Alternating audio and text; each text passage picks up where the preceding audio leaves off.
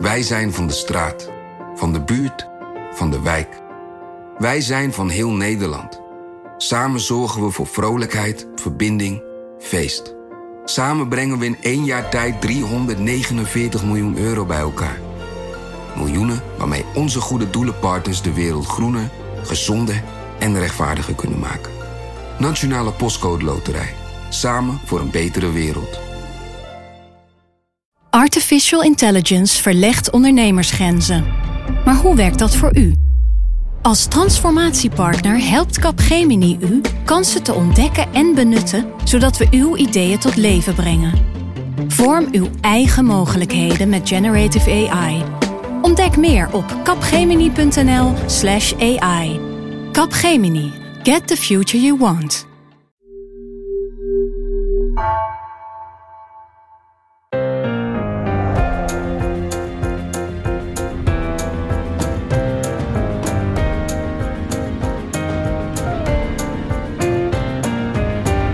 Dit is Haagse Zaken van NRC. Mijn naam is Floor Boon.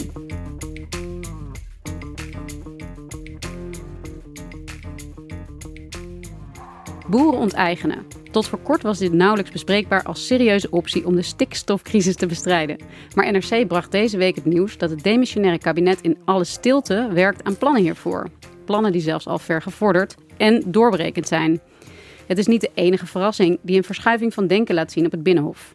En in het document op hoofdlijnen van VVD en D66 dat begin deze maand openbaar werd, staat dat Nederland groene industriepolitiek wil gaan bedrijven. In deze Haagse zaken hoor je over deze plannen. Over het verschuivende denken als het gaat over het definiëren van de problemen die Nederland heeft. En over hoe het kan dat de formatie weliswaar vast is gelopen, maar partijen achter de schermen al praktisch tot compromissen zijn gekomen. Juist over omstreden beleid op het gebied van landbouw en industrie dan denk je misschien, wie horen we hier? Dat is niet Lemja, dat klopt. Die is er een weekje niet. Ik ben er deze week en volgende week is Lemja er weer. En vandaag zit ik hier in de studio in het oude Tweede Kamergebouw met Marieke Stellinga Hoi. en Rick Rutte. Hey, hoi. Welkom allebei. Hey Rick, vaste luisteraars van deze podcast, die kennen jou sowieso, maar al helemaal als iemand die vaak aanschuift over Forum voor Democratie, boerenprotesten op het Binnenhof, veel landbouw ook. Maar jij gaat iets anders doen dit parlementaire jaar. Ja, dat klopt. Ik heb het, uh, het stokje overgenomen van onze lieftallige collega Philip de Witwijnen als financieel redacteur. Dus ik mag me de komende tijd uh, extra verdiepen in de cijfertjes. En, en hopen dat ik net zo goed in, uh, in het beheersen van Excel en spreadsheets word als, als Philip. En Philip gaat dat weer inzetten als politiek redacteur. precies. Maar goed, niet alles is veranderd. Ik zei bijvoorbeeld nog steeds de Haagse Stemming, onze politieke nieuwsbrief. Sinds deze week weer. Als je nog niet bent ingeschreven, dan kan dat op nrc.nl slash de Haagse Stemming. Schrijf je in, iedere ochtend, het nieuws van het Binnenhof in je mailbox. Precies. En soms kruipt het bloed ook waar het niet, uh, niet gaan kan. Dus dan uh, ben ik weer terug op het oude stikstofnest, zoals de afgelopen week. Nou ja, dan hebben we nu uh, wij van WC Eend, uh, promoten WC Eend uh, gehad. Waar we het over gaan hebben vandaag is nieuws in eerste instantie dat wij in de krant hadden. En dat jij in de krant had, Rick. Vertel eens even. Ja, samen met Martin Kuiper, collega van de economieredactie, kreeg ik documenten in te zien. Dat was een, een, vrij lijvig dik rapport van het PBL. Heel wat dikker dan het document op hoofdlijnen dat we uit de formatie kregen. Het PBL is het uh, Planbureau voor de Leefomgeving. Precies, een enorm gedetailleerde doorrekening. Nou, dan weet je wel, dit is niet meer een, een schets of een suggestie, maar hier is iets serieus aan de hand. Wat was dit? Dit was een doorrekening van ambtelijke plannen van twee ministeries. Landbouw en Financiën. En die hadden ieder een schets gemaakt, een scenario om de stikstofuitstoot terug te brengen. Radicaal, met veel meer geld dan tot nu toe vaak was ingeruimd. Met veel meer maatregelen dan tot nu toe waren bedacht. En, en dit was de crux, voor het eerst spraken die plannen ook over dwang. En dwang, wat, waar moet ik dan aan denken? Ja, dan hebben we het over onteigening. Dat is een uh, beladen woord. Uh, eigenlijk altijd. Hè. De onteigening betekent dat we het hebben over een overheid die jou iets afhandig maakt. Die in feite voor jouw huis kan staan en uh, nou, kan zeggen, nou vanaf nu is dit niet meer jouw huis. Floor, we geven je er wel een smak geld voor, maar jij mag hier niet meer wonen, want dat komt ons niet goed uit. Dat is iets dat de overheid wel eens vaker toepast. Bijvoorbeeld de afgelopen jaren is een bekend voorbeeld bij het meer ruimte geven aan de rivier. Ruimte voor de rivier waarbij uh, rivieren verbreed werden. Nou, daar woonden soms mensen buiten die dijken. Nou, als die niet zelf weg wilden, dan werden die soms gedwongen uitgekocht. Die werden onteigend. Dus in het algemeen belang of zo mag de overheid zoiets doen? Precies. Nou, inderdaad, als we de dijken moeten verhogen, dan is daar misschien iets voor te zeggen. Maar je snapt ook meteen waarom dat gevoelig ligt. En je snapt helemaal waarom in zo'n gevoelig dossier als de landbouw en de stikstofcrisis dat al jaren heel gevoelig ligt. Daar gaat het natuurlijk voortdurend over de vraag: kunnen we dat nou doen samen met de boeren? Of is er misschien ook iets van dwang nodig? Is dat misschien onvermijdelijk? Niemand staat er om te springen. Niemand heeft zin in Den Haag om boeren van hun, uh, van hun erf te halen, natuurlijk.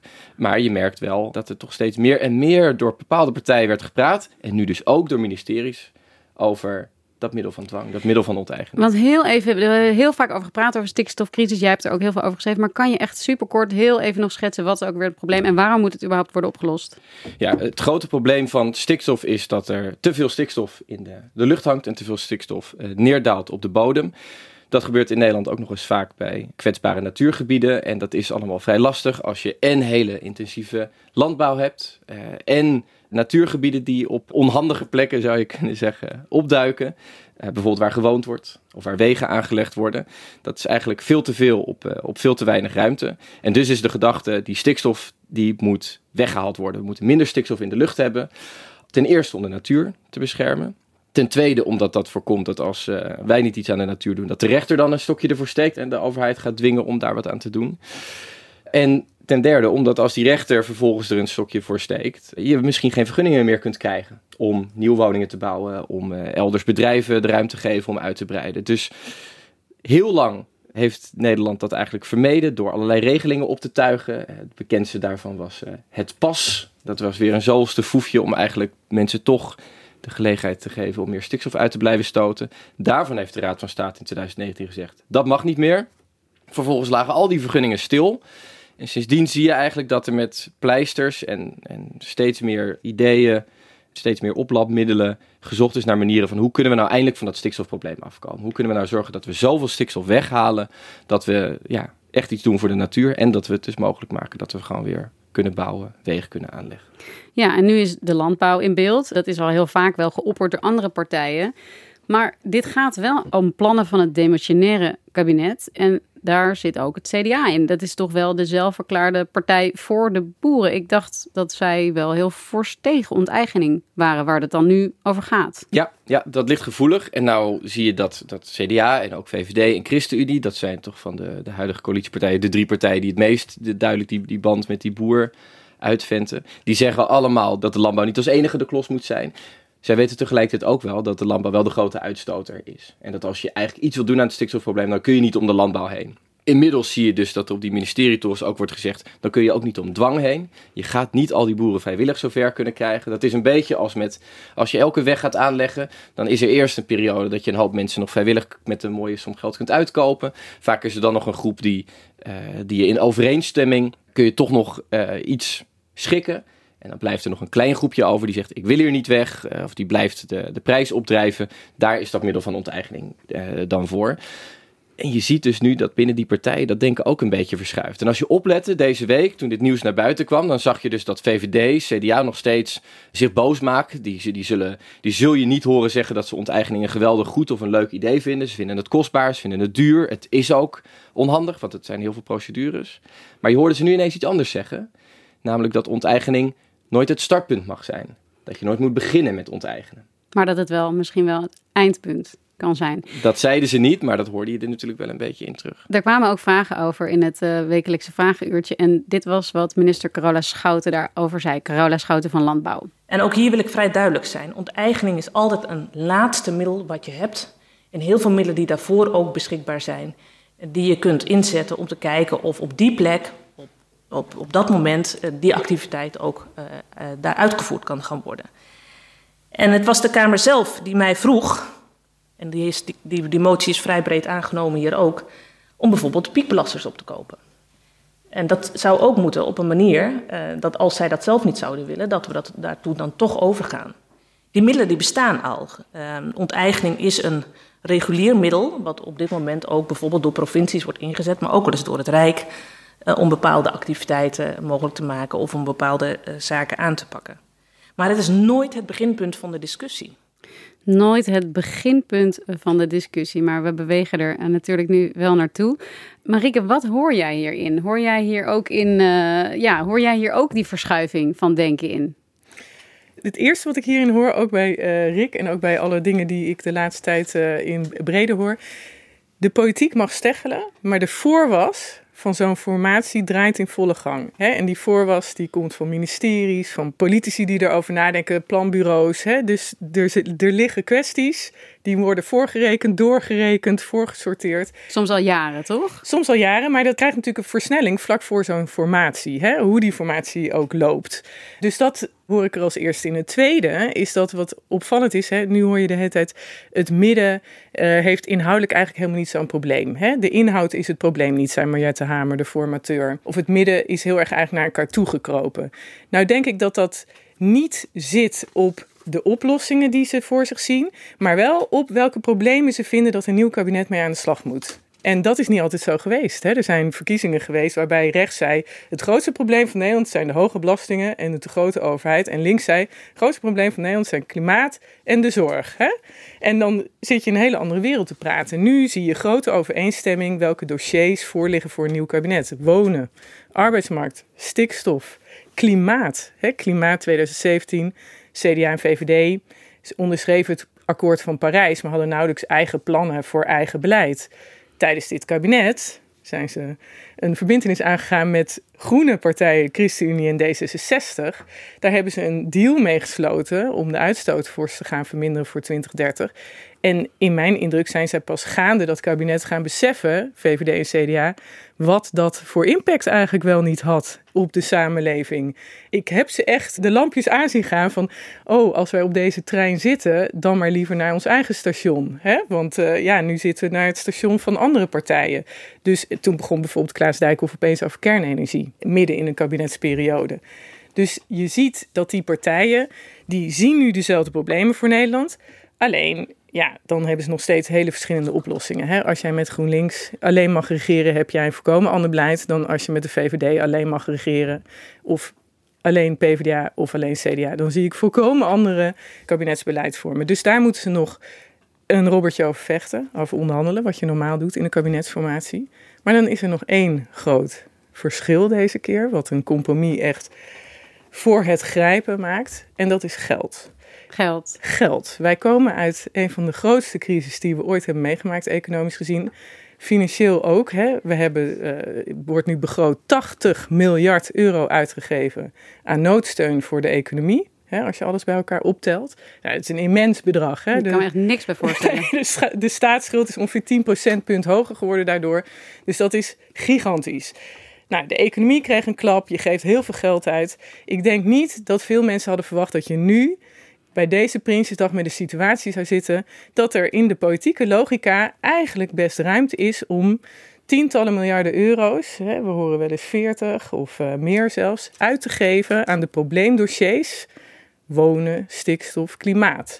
Maar heel even, want oké, waar komt dat geld dan vandaan? Exact. En waarom hadden we het niet? Wat, hoe werkt dit? hoe werkt het? Ja, dat is het meest wonderlijke van deze crisis. A, komen we er verrassend goed uit. De economie groeit wel als een tierenlier. De werkloosheid is super laag. Hè? Dus A, zijn we er economisch veel beter uitgekomen dan we hadden verwacht.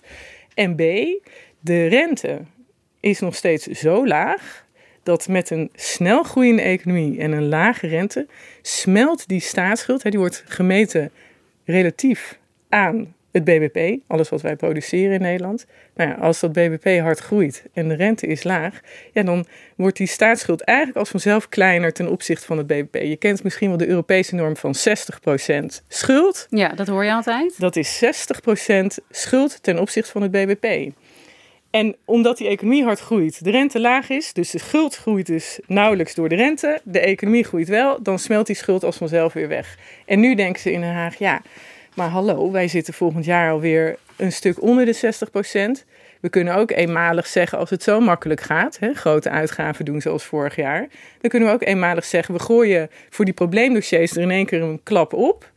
Dan gaat die staatsschuld, komt ietsje boven de 60 Nou, lekker belangrijk. Iedereen in Europa zit er ver boven. Ja, dus dat kan wel. Maar even een zijpaadje. Eh, dat Wopke Wiebesfonds, heeft dat hier ook nog mee te maken? nou, dat is wel bedacht naar aanleiding van de lage rente. Want de grap is dat we hebben het hier dus nu over er is geld. Hè? Dat, zijn dus, dat is dus een nieuwe extra pot of iets. Nou ja, uh, een pot kan je het niet noemen, want dan lijkt het of het allemaal. Uh, maar er is geld in niet. Maar je hebt daarnaast nog het Wopke Wiebesfonds, waar ook tientallen miljarden euro's in zitten voor de komende jaren. En we hebben daarnaast ook nog het Europese Herstelfonds. En daar krijgen wij ook nog een miljard of vijf, zes uit. Hebben we recht op, hebben we nog niet aangevraagd. Dus kortom, potjes genoeg. Oké, heel erg veel geld. Nou, dat is. Ja, uh, dat en, is... En, en, wat natuurlijk de, en wat de gemene delen is bij al deze potjes geld, is natuurlijk dat het gaat om een eenmalige uitgave. Dus het is een heel ander verhaal dan dat we het hebben over. Structureel. Precies, gaan we de zorgsalarissen ja. ieder jaar weer. Hè, als je de zorgsalarissen omhoog uh, gooit, bijvoorbeeld, dan zul je dat ieder jaar vanaf nu merken. Maar stel dat je nu investeert in, uh, in een spoorweg hier, of nu investeert in een, uh, een groot industrieproject, of een duurzaamheidsproject, of in één grote klapper om stikstof uh, weg te kopen. Ja, dat is een eenmalige uitgave. Die kun je iets makkelijker permitteren. Ja, maar even, want oké, okay, je schetst net... Uh, het grote verschil nu is dus dat partijen inhoudelijk... even los van de oplossingen... maar ze vinden in ieder geval dezelfde problemen belangrijk. Dan vind ik het alsnog zeer merkwaardig... dat ze niet over de inhoud willen praten. Want het lijkt me... Ja, als je het zo uh, formuleert in ieder geval... is dat toch het beste startpunt wat je zou kunnen hebben. Ja. Maar en ze hebben geld... Ja, onze collega Peter de Koning die schreef vorige week... ja, juist omdat ze zien dat ze eruit kunnen komen... willen ze niet aan die onderhandelingen beginnen. Want dan weet je dat je heel dicht bij het einde bent. Ja, en dat willen ze niet. nou ja, daar zijn andere politieke bezwaren kennelijk voor. Maar inhoudelijk, hè, en ik heb het even over nu, er is nog niet onderhandeld. Er is natuurlijk altijd in onderhandelingen, is er uiteindelijk ook schaarste aan geld. Dan zal er gesteggel komen. Maar nu, voordat die onderhandelingen ooit echt zijn begonnen, zie je in de voorwas die klaar ligt, zie je de compromissen voor het grijpen. En daarbij is geld natuurlijk een heerlijke smeerolie. Ja, hey, maar dan even terug. Want uh, we hadden het over dat er dus in deze, ja, in deze tijd in ieder geval bij die middenpartijen consensus aan het ontstaan is over de problemen die er zijn. En er is ook nog eens geld. Maar tegelijkertijd zien we met dat nieuws van jou, Rick, over de stikstof. Ambtelijk zijn er doorberekeningen. Er zijn ver gevorderde plannen om boeren misschien uit te kopen. Maar de partijen hadden dit liever niet in het nieuws gehad. Die willen hadden misschien naar hun achterbannen nog steeds willen communiceren dat dat helemaal niet aan de orde is. Dus hoe moet ik dat dan lezen? Ja, klopt. Ik denk dat je daar ziet dat het dus nog niet een, een, consensus is. Ze zijn er nog helemaal niet uit wat ze nou precies willen doen. Maar je ziet wel dat er enorm veel panelen aan het verschuiven zijn achter de schermen. Dat is helemaal waar. En ik denk dat stikstof daar een heel goed voorbeeld van is. Ten eerste omdat het die urgentie heel erg... Die urgentie die kenden we al, maar die werd eigenlijk dit jaar op een heel onbewaakt moment, die werd er enorm ingevreven bij het kabinet. Dat was dit voorjaar. Wij keken allemaal naar de verkiezingen. Op een paar mensen op uh, stikstofgebied na. Want in de week dat de Tweede Kamerverkiezingen waren, kwamen daar twee belangrijke rapporten uit. En die zeiden eigenlijk, jullie dachten al dat het erger was met die stikstofcrisis. Het is nog veel erger. Ten eerste omdat je al die technische oplossingen die je tot nu toe hebt aangedragen, al die foefjes, luchtwassers, die innovaties, daar ga je het niet mee redden. Je moet misschien wel dwang gaan toepassen. En als je daar nu nog niet van overtuigd bent, pas maar op, er zijn Europese regels en die betekenen niet alleen dat jij in de problemen kunt komen omdat je niet snel genoeg de natuur verbetert, maar als er waar dan ook maar een verslechtering plaatsvindt, dan kun je nog verder in de problemen komen. Dan zou het zelfs wel eens kunnen gebeuren dat je niet alleen in de problemen komt met het verstrekken van nieuwe vergunningen. Dat was het hele probleem van de stikstofcrisis in 2019, die kwamen er niet meer. Maar dan zou het in dit geval bij een nieuwe zaak zelfs kunnen gebeuren dat je bestaande vergunningen moet gaan intrekken. Nou, drama, drama scenario. Hè? Dan, dan, dan zou alles dus onzeker worden. Dus die urgentie, die werd echt even erin gepeperd bij het kabinet. Dat was de reden dat er achter de schermen in die ministerraad ook gezegd werd: laten we snel gaan kijken wat we hier nu aan kunnen doen. Want het risico is anders. Dat je straks een volgend kabinet hebt dat misschien, uh, hè, nog voordat ze goed en wel begonnen zijn, bijna meteen zijn lam gelegd door een uitspraak van de rechter. Of omdat die, die stikstofruimte ontbreekt, omdat je dan nog steeds geen woningen kan gaan bouwen. Dus ze dachten, laten we nu snel gaan denken. Dus dat denken kwam dan op gang. Vervolgens zie je, en daar is stikstof denk ik ook een beetje illustratief mee, dat bij het bedenken van die oplossingen, dat er in elk geval wat prettiger kon worden nagedacht dan tot nu toe, omdat iedereen ineens ervan overtuigd is dat geld het probleem niet is. Maar goed, oké, dus uh, urgentie, uh, gezamenlijk denken komt in een stroomversnelling, maar in dat document op hoofdlijnen of de aanzet voor een opzet voor een regeerakkoord, hoe we het ook wel noemen van uh, VVD D66, daar werd nog helemaal niet gesproken over de stikstofcrisis. Ja, klopt. Het werd heel erg binnenskamers gezien en gehouden ook als een kabinetskwestie. Dus bijvoorbeeld uh, Kamerleden werden ook lang niet altijd direct geïnformeerd over wat er precies berekend en, uh, en geschetst werd aan scenario's. Marieke heeft er net weer even doorheen gebladerd. In, de hele, in het hele document op hoofdlijnen staat één keer het woord stikstof. Ja, er wordt helemaal niet gesproken over oplossingen, omdat men te horen kreeg, ja, daar wordt nu over gepraat, daar wordt nu mee gerekend. Wacht maar even af. Dit soort ambtelijke afstemming die voor was en wat er hier gebeurt en dat doorrekenen. In hoeverre weerspiegelt dat ook echt daadwerkelijk de standpunten van de regeringspartijen op dit moment? Zien we daar ook dat ze bewegen? Of is het gewoon iets wat. worden er heel veel dingen ja, doorgerekend en dan bekeken wat het beste is? Of ter beoordeling aan de nieuwe regeringspartijen voorgelegd? Mijn ervaring is dat er altijd heel veel ambtelijke voorwas is. Die komt nooit uit de lucht vallen. Die is natuurlijk ook gebaseerd op waar de politiek al heen beweegt. Een kabinet zegt op het eind heel vaak: ja, dit klopt. Daar moeten we wat aan doen, maar dat is aan een volgend kabinet. Zo heeft dit kabinet dat gezegd met Europa verhoogt de klimaatdoelen naar 55% reductie in 2030. Wij hadden 49. Dan zegt het kabinet: ja, we zien het, Europese afspraak. Aan een volgend kabinet. dus dan weten ambtenaren ook: we gaan even voorrekenen, wordt er een commissie ingesteld. Hartstikke idee. Nou, en zo is dit ook in de voorwas. Maar ik denk wel dat je op dossiers kan zeggen, als er überhaupt onteigening wordt doorgerekend, dan is dat niet, doorgaans niet iets wat ambtenaren zelf bedenken. Dat betekent dat er over onteigening wordt nagedacht. Dat klopt. En, en je ziet het volgens ook in de ontvangst. Dus er is nog geen beslissing genomen. Wat, waar wij over geschreven hebben en waar het deze week over ging, dat zijn echt allemaal plannen. Vergevorderde plannen, die al helemaal zijn doorberekend. Maar er is nog geen beslissing genomen. Maar je hoort dat er achter de schermen binnen het kabinet wel uh, positief op gereageerd werd. En dan moesten ze nog kiezen tussen die twee scenario's. Of je neemt een beetje van het, het plan van landbouw en een beetje van het plan van financiën. Maar ja, er werd wel achter de schermen gekneed aan, uh, aan kijken zelfs of er misschien wel rond Prinsjesdag al iets gelanceerd kon worden. En daar helpt het dus heel erg, merk je dan, dat ze niet alleen zien dat het urgent is, dat ze eigenlijk echt het gevoel hebben van oké, maar we moeten er echt wat aan doen en we moeten er nu wat aan doen. Maar ook dat ze vervolgens vrij royaal met het geld omgaan bij het invullen daarvan. Dus de reacties zijn ook sowieso niet meer alleen afwijzend. Sterker, ze worden eigenlijk al zelfs, er wordt al zelfs wat geld tegen aangepakt. Ja, zeg maar. Is, het, en het is, maar het is natuurlijk ook veel makkelijker om achter een plan te gaan staan als het beter te verkopen is. Dus dat zie je het beste bij dat plan van landbouw. Dat zegt namelijk, wij gaan niet alleen die stikstofrechten van boeren afkopen. Hè, dus het idee zou zijn, dan zijn dat je bewijs van de boer, die, die, die neem je dan de dieren af. En dan uh, zit hij eigenlijk gewoon uh, op een boerderij zonder, uh, waar hij geen dieren mag houden. Dus dan heeft hij een soort mooi huis met een heel, hele grote tuin. Want dat is de boerderij dan geworden. Bij landbouw zeiden ze nee, weet je wat we gaan doen? We gaan meteen er nog wat extra miljarden tegen aangooien. En we gaan die boeren helpen om nieuwe landbouw te bedrijven. Dus we maken het extensiever, duurzamer, groener. Nou, dat betekent wel wat voor de grondprijzen. Gaan wij allemaal mee helpen. Daar, daar gaan wij geld in steken. En dan krijgen we nieuwe landbouw. Dan kun je ook nog eens een mooi verhaal vertellen dat, uh, dat je het echt doet voor de boeren. Dat er geen vierkante centimeter van die grond overgaat naar uh, aannemers of woningbouwers. Of uh, dat er windmolens gebouwd worden. Dat hoor je nog wel eens bij, bij boeren. Dat ze heel argwanend zijn dat het allemaal daarom te doen is. Dat die boeren weg moeten om, weet ik veel, woning, windmolens te bouwen of asielzoekers te huisvesten. Nou, nee zeg je dan. We gaan gewoon de hele landbouw innoveren en we doen er wat moois. Maar ja, dat kan allemaal.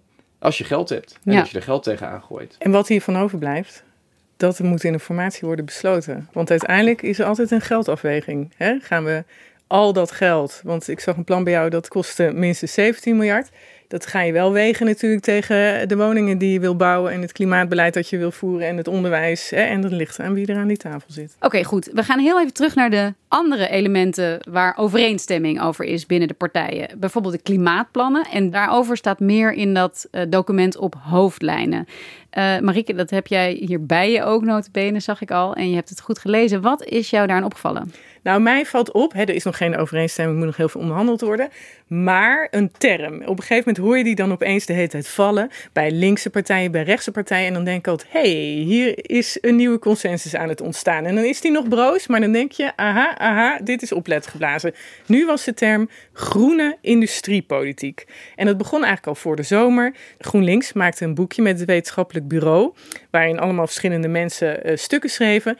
Groene industriepolitiek heette dat. Daarna, vlak daarna, kwam Marjan Minnesma wel bekend van milieuorganisatie Urgenda, die je wel de plaaggeest van dit kabinet kan noemen. Want zij hebben bij de rechter afgedwongen dat het kabinet de CO2-uitstoot sneller moest verminderen dan ze deden.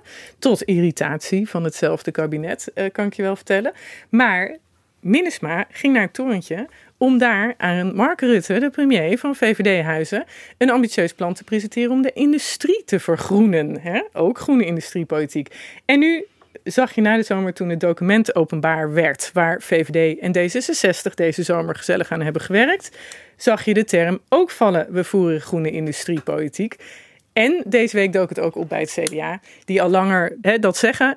We moeten de industrie helpen om te vergroenen. We moeten groene industriepolitiek hebben. Ja, en als je zoiets zo vaak hoort, dan denk ik wel, aha, nu is het even opletten geblazen. Nou, dat klinkt dus heel mooi allemaal. Groene industriepolitiek in alle eerlijkheid ook wel een piepklein beetje laat. Aangezien we in 2015 al een klimaatakkoord van Parijs hadden, zou ik zeggen. Maar kan je iets meer invullen wat het dan betekent als je als kabinet groene industriepolitiek gaat bedrijven? Wat is dat? Nou, kijk, dat is dus echt nog onduidelijk hè, wat daar precies onder verstaan wordt. Maar als ik zo'n beetje naar de partijen luister en de lees wat ze maken, een groot deel van de uitstoot wordt veroorzaakt door de industrie. En de redenering gaat als volgt: de grote klappen die wij kunnen maken naar 2030 om onze doelen voor verdere vermindering van de uitstoot te halen, ligt bij de industrie. De sleutel ligt daar in handen. Als we daar nou eens een slag kunnen maken om die bedrijven heel moeilijk naar een volkomen ander productieproces te brengen. Dat is natuurlijk ongelooflijk ingewikkeld. Je moet je voorstellen, het gaat hier over Tata Steel, staalfabriek, uh, chemiebedrijven, kunstmestproducenten. Die gebruiken heel veel chemische processen. Het is echt basisindustrie, zware industrie noemde je dat vroeger. Ja, en die moeten eigenlijk van productieproces A naar productieproces B. En die gaan niet samen, die productieprocessen. Dus hier is niks geleidelijk aan. Dit is allemaal best wel heftig. Nou, hoe krijg je die bedrijven nou zover om dat te doen? De partijen denken, er zijn in Nederland twaalf grote uitstoters, heten ze, die een heel groot deel van die uitstoot in de industrie veroorzaken en dus een heel groot deel van de uitstoot in Nederland. Laten we die nou eens gericht door afspraken met ze te maken, harder bij de een, zachter bij de ander, gericht afspraak mee maken om hun bedrijfsprocessen te verduurzamen en daar ook subsidie bijvoorbeeld aan te geven als ze dat doen. Heeft nooit een partij dit eerder bedacht in de afgelopen jaren? Jawel, jawel. Er is ook in het klimaatakkoord is, heeft heel lang op tafel gelegen een soort uh, nou, onduidelijk subsidieplan. Hè? En toen kwam er een discussie over nee, je kan beter een heffing zetten op de industrie. Toen is er een CO2-heffing ingevoerd die CO2-heffing ging ook gepaard met uh, subsidies. Alleen nu is toch het idee, ja, daar kunnen we misschien meer geld voor inzetten dan we tot nu toe deden. En er is een grote roep uit de industrie om de infrastructuur te vergroenen. we hebben een groot gasnetwerk. Ja, kan de overheid dat niet? want infrastructuur is dan de redenering, is een overheidstaak. Kan de overheid dat niet ombouwen tot een waterstofnetwerk? En ja, is, de overheid moet dat doen. Want ja, die gaat over de infrastructuur, zeggen die bedrijven. En daar moeten ze dan ook in investeren. Dus dat zijn de plannen die er nu liggen. En ook hier weer, omdat er meer geld is, zou het wat makkelijker kunnen worden ingevuld. En is het compromis tussen links en rechts makkelijker. En je links zei, de vervuiler moet betalen. Rechts zei, ja, maar dan jaag je die bedrijven weg. Dan gaan ze ergens anders heen. Het zijn allemaal internationale bedrijven, ook in buitenlandse handen, 11 van de 12. En dan gaan ze elders wel vuil produceren? Ja, die hebben allemaal vestigingen door heel de wereld. En dan gaan ze daar vuil produceren. En ja, dan is het eh, de economie niet, uh, het klimaat niet geholpen en de economie wel geschaad. Hè? Dat was dan het verhaal van rechts. Nou, nu zou je dus, doordat je daar wat meer subsidie in kan gooien, zou je dat, hè, die padstelling tussen links en rechts wat kunnen versoepelen. En zou je die bedrijven kunnen helpen, is nu het idee. Nou ja, en zo staat het ook bijvoorbeeld in het document van D66 en VVD. De grootste winst is te behalen in de industrie. We voeren groene industriepolitiek, zodat het bedrijfsleven versneld een grote sprong kan maken op duurzaamheid. Nou, en dan komt uh, Mark Rutte, hè, want die zegt: we kunnen misschien, zei hij onlangs, in de Olympische Spelen van het klimaat ook nummer één worden. Om daarmee het verdienvermogen op lange termijn overeind te houden. Nou, en dan kunnen ook andere sectoren van profiteren. En Mark Rutte zei daar overigens ook nog iets over in de Tweede Kamer. Ja. En tot slot, voorzitter, wilde ik zeggen: heel veel dank voor het mooie boekje over de groene industriepolitiek, waar Erik Wiebes uh, terecht wordt opgevoerd. Uh, uh, daar staat hier letterlijk in. Zelden schreef een VVD-minister een visie die zo dicht bij het gedachtegoed van GroenLinks ligt. Nou, dat zou ik zeggen. Weet je, uh, dat, moet toch, dat, dat, belooft toch veel goeds. En, en, en, en als ik dan, uh, als ik dan uh, gisteren ook mevrouw Minnesma langs had en de Moonshot-projecten, dan dan denk ik, misschien komen we eruit. Dank trouwens. Ik, er staat nog veel meer in het boekje, wat ik ook ga lezen. Ik wilde... En trouwens ook eens dat je dus die, die basisindustrie nodig hebt in Nederland. Uh, want anders gaan ze ergens anders vervuilen. En we hebben ze liever hier niet vervuilend. Dan moet je eens kijken hoe Nederland dan een, een toonkamer kan zijn van hoe je schoon produceert. Een Nou, toonkamer van hoe heb je je- En de moonshot. Heb je maar, ja, van Mariana Mazzucato, dat is de favoriete econoom van eh, politici tegenwoordig. Hè, die zegt, je moet eigenlijk, net zoals ze ooit zeiden, de Amerikanen, we moeten een man hebben op de maan. Ga bedenken hoe. En dat heeft allemaal bedrijvigheid veroorzaakt. Hè? Niet, niet, ik ga dat bedrijf subsidiëren met die innovatie. Nee, dat is het doel, daar moet je heen. Nou, dat is een Moonshot-project. Heb je Rutte ooit zo enthousiast gehoord over klimaat? En over GroenLinks. je, zou toch denken dat die, hier ligt en dit was. Dus, dit was dus het boekje wat hij kreeg van GroenLinks over die industriepolitiek, waar hij enthousiast op reageerde. En Minnesma was net in het torentje geweest. En ja, hij ziet in dit verhaal van ja, we kunnen de economie ook vooruit helpen. Hè? We kunnen nummer één worden, voorop lopen. We kunnen banen, nieuwe bedrijvigheid. Ja, dat, dat klinkt eh, gezelliger dan eh, de vervuiler betaalt en eh, het wordt allemaal minder. Maar industriepolitiek, dat werkt 30 ook wel hè, vroeger bedreven, eigenlijk overal ter wereld. Ja, daar hebben we in Nederland zelfs een enorme kater aan overgehouden, aan industriepolitiek. Eh, en sommigen zeggen zelfs een trauma. En we hebben het ook heel lang daarom gemeden als de pest. En dat was de RSV-enquête in 1983-84, een parlementaire enquête naar de scheepsbouwer RSV, waar de overheid ongelooflijk veel geld in had gestoken en die uiteindelijk nog glorieus ten onder is gegaan. En dat was echt een voorbeeld van Hoe het niet moest. hoe het niet moet. Want je probeert tegen de klippen op een bedrijf overeind te houden dat het uiteindelijk in de nieuwe tijd niet gaat redden. De ruim anderhalf uur die deze opening van zaken door de enquêtecommissie duurde, ging het voor een belangrijk deel over de rol van minister van Ardenne. Dat had die commissie zelf veroorzaakt door haar harde oordeel op één onderdeel van de RSV-geschiedenis, de informatie in april 1980 aan de Tweede Kamer over de afwikkeling van de verliezen die waren ontstaan bij de poging om het RSV-concern te ontdoen van de zwaarste molensteen van die tijd, de scheepsnieuwbouw. Ronduit misleidend en daarom onaanvaardbaar staat er in het verslag. Commissievoorzitter Van Dijk hierover.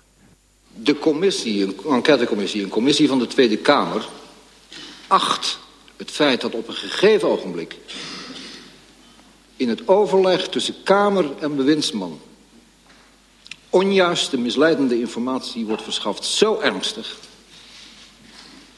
dat ze meent hier een sterk negatief oordeel over te moeten uitspreken. De Kamer erop attenderend dat hier geraakt wordt aan de basis van vertrouwen en daarmee aan een, een levensader in de parlementaire democratie, dat als je op een gegeven ogenblik overleg is tussen Kamer en bewindsman, je er moet op, op moet kunnen vertrouwen dat de bewindsman de juiste informatie aan de Kamer geeft. Dus industriepolitiek heeft enorme valkuilen. Je kan, ja, je kan, De verkeerde bedrijven gaan subsidiëren. je kan de verkeerde bedrijf gaan subsidiëren. Dat is ook wat economen nu zeggen over de plannen die nu klinken, bijvoorbeeld ook bij het CDA, om echt maatwerkafspraken met die twaalf grote uitstoters te maken. Ja, dan committeer je aan die twaalf grote bedrijven. Maar wij kunnen zeker op het klimaatgebied niet in de toekomst kijken. Hè, er is nog helemaal niet duidelijk hoe wij naar netto nul, dus een klimaatneutrale samenleving zonder fossiele brandstoffen vrijwel, met nul uitstoot in 2050 gaan. Niemand kan dat scenario helemaal voor jou schetsen. Dus jij weet niet welke bedrijven daar overblijven. En als jij nu zegt, deze bedrijven moeten wij een verduringsslag mee maken. Ja, misschien zit je wel op het verkeerde paard te wedden. Zijn er bedrijven die helemaal niet kunnen bestaan meer in 2050 in die nieuwe omgeving. En eh, ja, je laat de ruimte beperkt voor nieuwe toetreders. Hè? En dus toch innovatie, vernieuwing moet waarschijnlijk ook van buiten komen. Maar is het ook niet GroenLinks die hier eigenlijk een grote stap maakt? Dat Als je zegt van hey, de vervuiler betaalt, dan zijn het juist de bedrijven die zelf hè, moeten gaan zorgen dat ze eh, eh, innoveren, met die toekomst meegaan. En hier, als je het allemaal vanuit de overheid gaat subsidiëren, is het toch publiek geld wat je in een nou ja, x aantal bedrijven stopt. Nou, GroenLinks vindt nog steeds de vervuiler betaald. Hè? Maar ziet ook wel, en ik denk dat veel economen dat ook wel zien, dat er alleen met beprijzen van CO2, hè, een belastinghef op alle uitstoot, kom je er niet. Daarvoor is deze omwenteling te groot. De overheid moet op een of andere manier ook de markt maken. En de overheid moet op een of andere manier ook risico's durven nemen. En tijdelijk bepaalde technologieën subsidiëren om te kijken of ze überhaupt kunnen overleven. Of ze ooit rendabel worden. Zo is het ook natuurlijk begonnen met wind en zon. Dat was wel bestaande techniek. Het gaat hier ook over onbewezen technologieën subsidiëren. Dus dat is extra riskant. Maar soms zegt een overheid van ja, ik ga toch die markt aanjagen door bepaalde subsidieregeling in te richten. En dan hoop ik dat ik daarmee op een goede weg kom. De vraag is natuurlijk wel, hoe aardig ga je voor die bedrijven zijn? Donderdag was er in de Kamer een debat over Tata Steel. Hè, natuurlijk echt uh, geplaagd door uitstoot waar bewoners in de omgeving ook last van hebben. Daardoor staat het voorbestaan van het bedrijf onder maatschappelijke druk in zekere zin. Hè? En daar hoor je toch e- heel veel Kamerleden zeggen van ja, we kunnen Tata wel op een of andere manier proberen te helpen, maar tegelijk moeten we voorkomen dat het geld via Tata naar de eigenaar in India gaat. Zoals ook wel eens eerder is gebeurd bij een subsidie die is gegeven. Maar zie je hier niet ook nog een andere soort overeenstemming waar partijen heel lang niet over eens waren? Namelijk dat de overheid toch een belangrijke rol of een rol moet gaan spelen in die markt en in de aansturing van die markt. Ja, die omwenteling zie je inderdaad de afgelopen vier jaar hè, heeft dat plaatsgevonden. Partijen als de VVD zijn ook anders na gaan denken over het grote bedrijfsleven en hun rol in de economie en hoeveel ruimte je ze moet laten of hoeveel cadeautjes je ze moet geven in de vorm van lage belastingen. Maar dit is ook echt een ander dossier. Hè? Dus klimaat, die omwenteling is zo immens. Dit is zulk groot beleid. Een transitie, hè? dus echt gaan functioneren op een ander systeem in de economie. Ja, daar moet de overheid aanzetten toegeven. Die moet aanjagen. Die moet ook toestaan dat er bepaalde dingen afgebouwd worden. Of daar misschien ook voor faciliteren. Dus die moet eigenlijk de knoppen in de economie omzetten. En dat kan de markt niet doen. Want die gaat dat niet uit zichzelf doen. Die heeft daar echt de overheid bij nodig om die omwenteling aan te zetten. Anders gaan ze misschien toch een beetje konijn in de koplampen zitten wachten voor een deel. Ja, de, de, paradox van vooral die industriepolitiek is volgens mij dat het aan de ene kant draait om verandering aanjagen. Het is zorgen dat we die, die groene revolutie gaan meemaken. En tegelijkertijd is het eigenlijk juist heel, heel anti-revolutionair. Het is behouden wat er is. Het is omkijken naar bedrijven die er al zijn, die een steuntje in de rug geven, zodat zij overeind kunnen blijven. Ja. En dat is precies een beetje de, de kater die is overgehouden aan zo'n RSV-affaire. Dat je heel lang een bedrijf enorm aan het, aan het subsidiëren bent, waar je miljarden aan kwijt bent om dat overeind te houden. Je doet dat natuurlijk omdat je het systeem wil verbeteren. Maar ja, dat brengt het risico met zich mee dat je, als je inderdaad maatwerk gaat leveren voor die twaalf grote uitstoters, als je daar miljarden straks in gaat steken, goede kans dat dat uh, bij een van die bedrijven op een enorme zeepert gaat uitdraaien is het je dat waard? Ja. En Nou is het je dat waard dat je ondertussen het moeilijker misschien maakt voor nieuwkomers op die markt om daarin te breken? Dat is iets waar veel uh, partijen mee worstelen. Waar je ziet dat aan de ene kant iedereen zegt: ja, dat groene industriepolitiek, dat spreekt ons aan, dat is een goed idee. Maar de precieze uitwerking daarvan, daarover zie je veel minder. Uh, nou ja, en daar consensus. is ook echt nog een discussie over nodig. Want wat jij net schetst, hè, groene industriepolitiek, zoals die nu in de politiek klinkt. Dit is niet wat economen adviseren. Oh. Hè, dus economen zeggen wel van, tuurlijk, de overheid moet dingen gaan doen. Maar niet, je moet je niet richten op een bedrijf. Je moet je richten op het subsidiëren van nieuwe technologie of van een project. En daar moet je zakelijk mee omgaan. Dat moet je goed bekijken. Je moet subsidieregelingen of belastingregelingen inrichten die open zijn, dat er ook anderen kunnen toetreden. En daar moet je ook bij accepteren dat je zeeperts haalt, hè? want dat is onvermijdelijk. Maar je moet je niet uitleveren aan twaalf bedrijven, want dan loop je het grote risico om het bestaande te gaan beschermen. Oké, okay, dus we moeten dat doel voor ogen houden. De politiek moet naar de maan kijken, om het maar even te zeggen. Ja. Uh, formuleren van we gaan naar de maan en zie maar hoe je er komt en ja. uh, de beste overleeft, zeg maar. Zo is het. Het, het is het eeuwige cliché van, uh, hè, van de prins van Lampedusa in, in de Tijgerkat, van alles veranderen opdat alles hetzelfde blijft. En dat je is natuurlijk wel. het risico. Nou, dat is natuurlijk een risico dat je krijgt als je al die bedrijven, ja, als je al die bedrijven die er nu zijn, die nu groot zijn, als je die gaat helpen overeind te blijven, dat klinkt heel nobel. Maar dat is ook bevriezen. Dat is eigenlijk ook iets wat we bij de coronacrisis hebben gezien. Dat natuurlijk aan de ene kant werd er enorm met geld gesmeten. En tegelijkertijd werd Ja. juist alles bevroren. Werd eigenlijk alles in stand gehouden. Zoals Nieuwe het was. bedrijvigheid druk je daarmee ook de kop in, terwijl je dat niet wil. Ja. Hey, even terug. Nou, we begonnen met uh, partijen zien overeenstemming in de problemen. En door dat geld is het makkelijker voor partijen ook om compromissen te sluiten. Want je kunt allebei erin kwijt. En uh, ja, je hoeft veel minder. Uh, ja, die uiteenlopende oplossingen kun je misschien wel allebei een beetje eh, een plekje voor vinden. Maar in de formatie zie ik dat nog niet helemaal terugkomen, lijkt wel. Is het ook omdat sommige problemen gewoon niet op te lossen zijn met geld?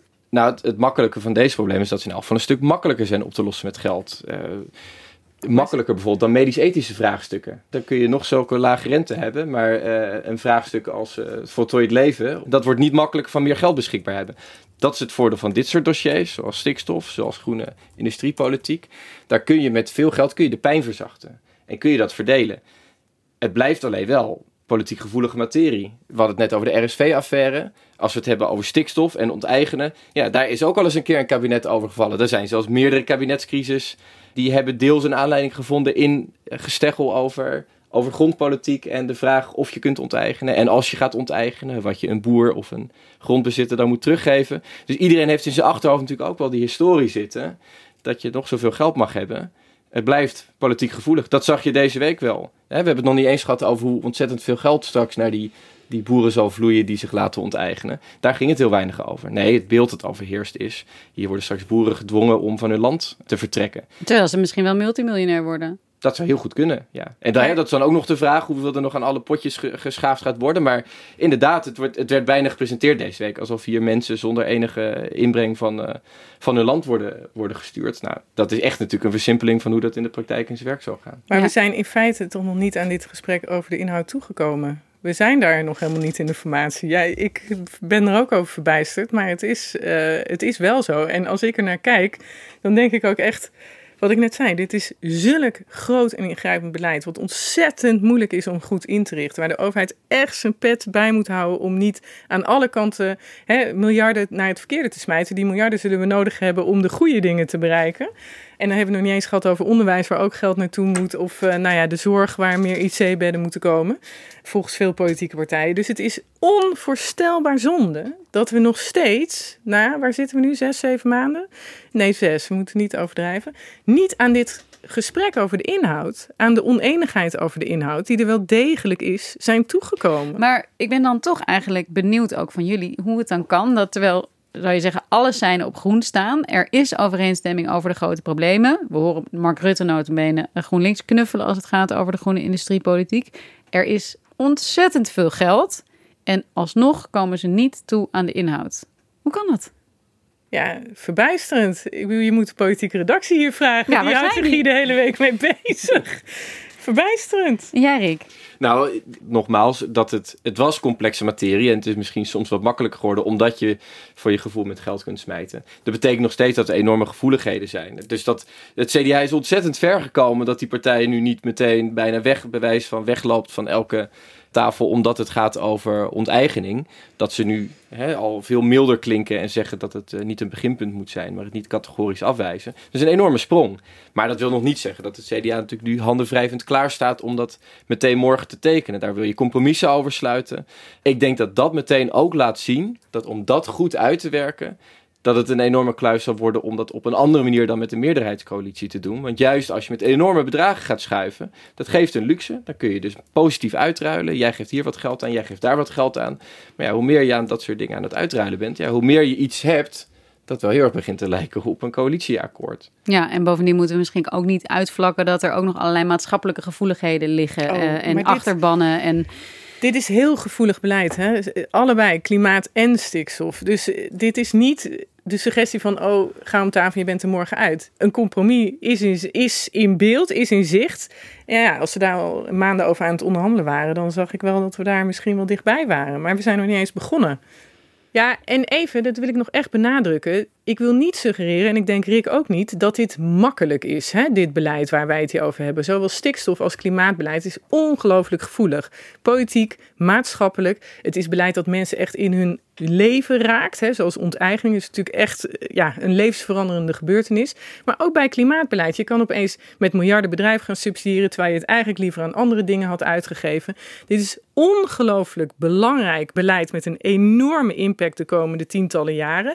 En het is het waard om daarover een goede, doorvrochte, lange politieke discussie te voeren. En we zijn daar maar niet mee bezig, want we zijn maar bezig met gedoe. En het is bovendien misschien wel het meest fundamentele debat wat hier voor ons ligt. Als je het hebt over opwarming van de aarde, uh, wereldwijd uh, eh, CO2-neutraal kunnen gaan produceren. Het is een enorme opdracht als je hier aan committeert. En dat zal in ons leven enorm veel uitmaken. En het is ongelooflijk moeilijk om het goed te doen.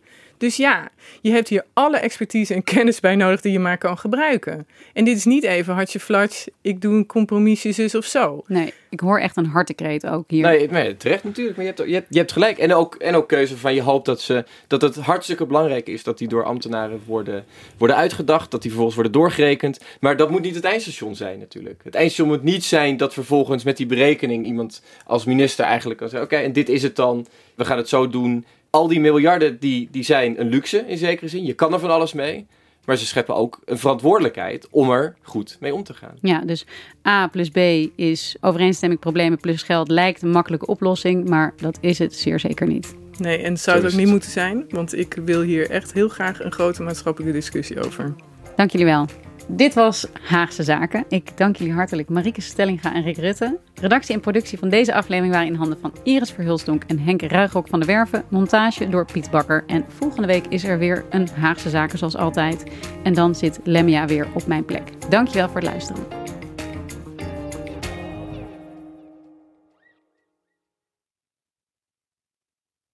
Je hebt aardig wat vermogen opgebouwd. En daar zit je dan, met je ton op de bank. Wel een beetje saai, hè? Wil jij, als belegger, onderdeel zijn van het verleden of van de toekomst? Bridgefund is een slimme fintech die een brug slaat tussen de financiële behoeften van ondernemers en van beleggers. Dus wie belegt bij Bridgefund krijgt niet alleen een mooie vaste rente, maar brengt ook ondernemers in beweging. Echt waar, met die ton kan je zoveel betere dingen doen. Bridgefund. Make money smile.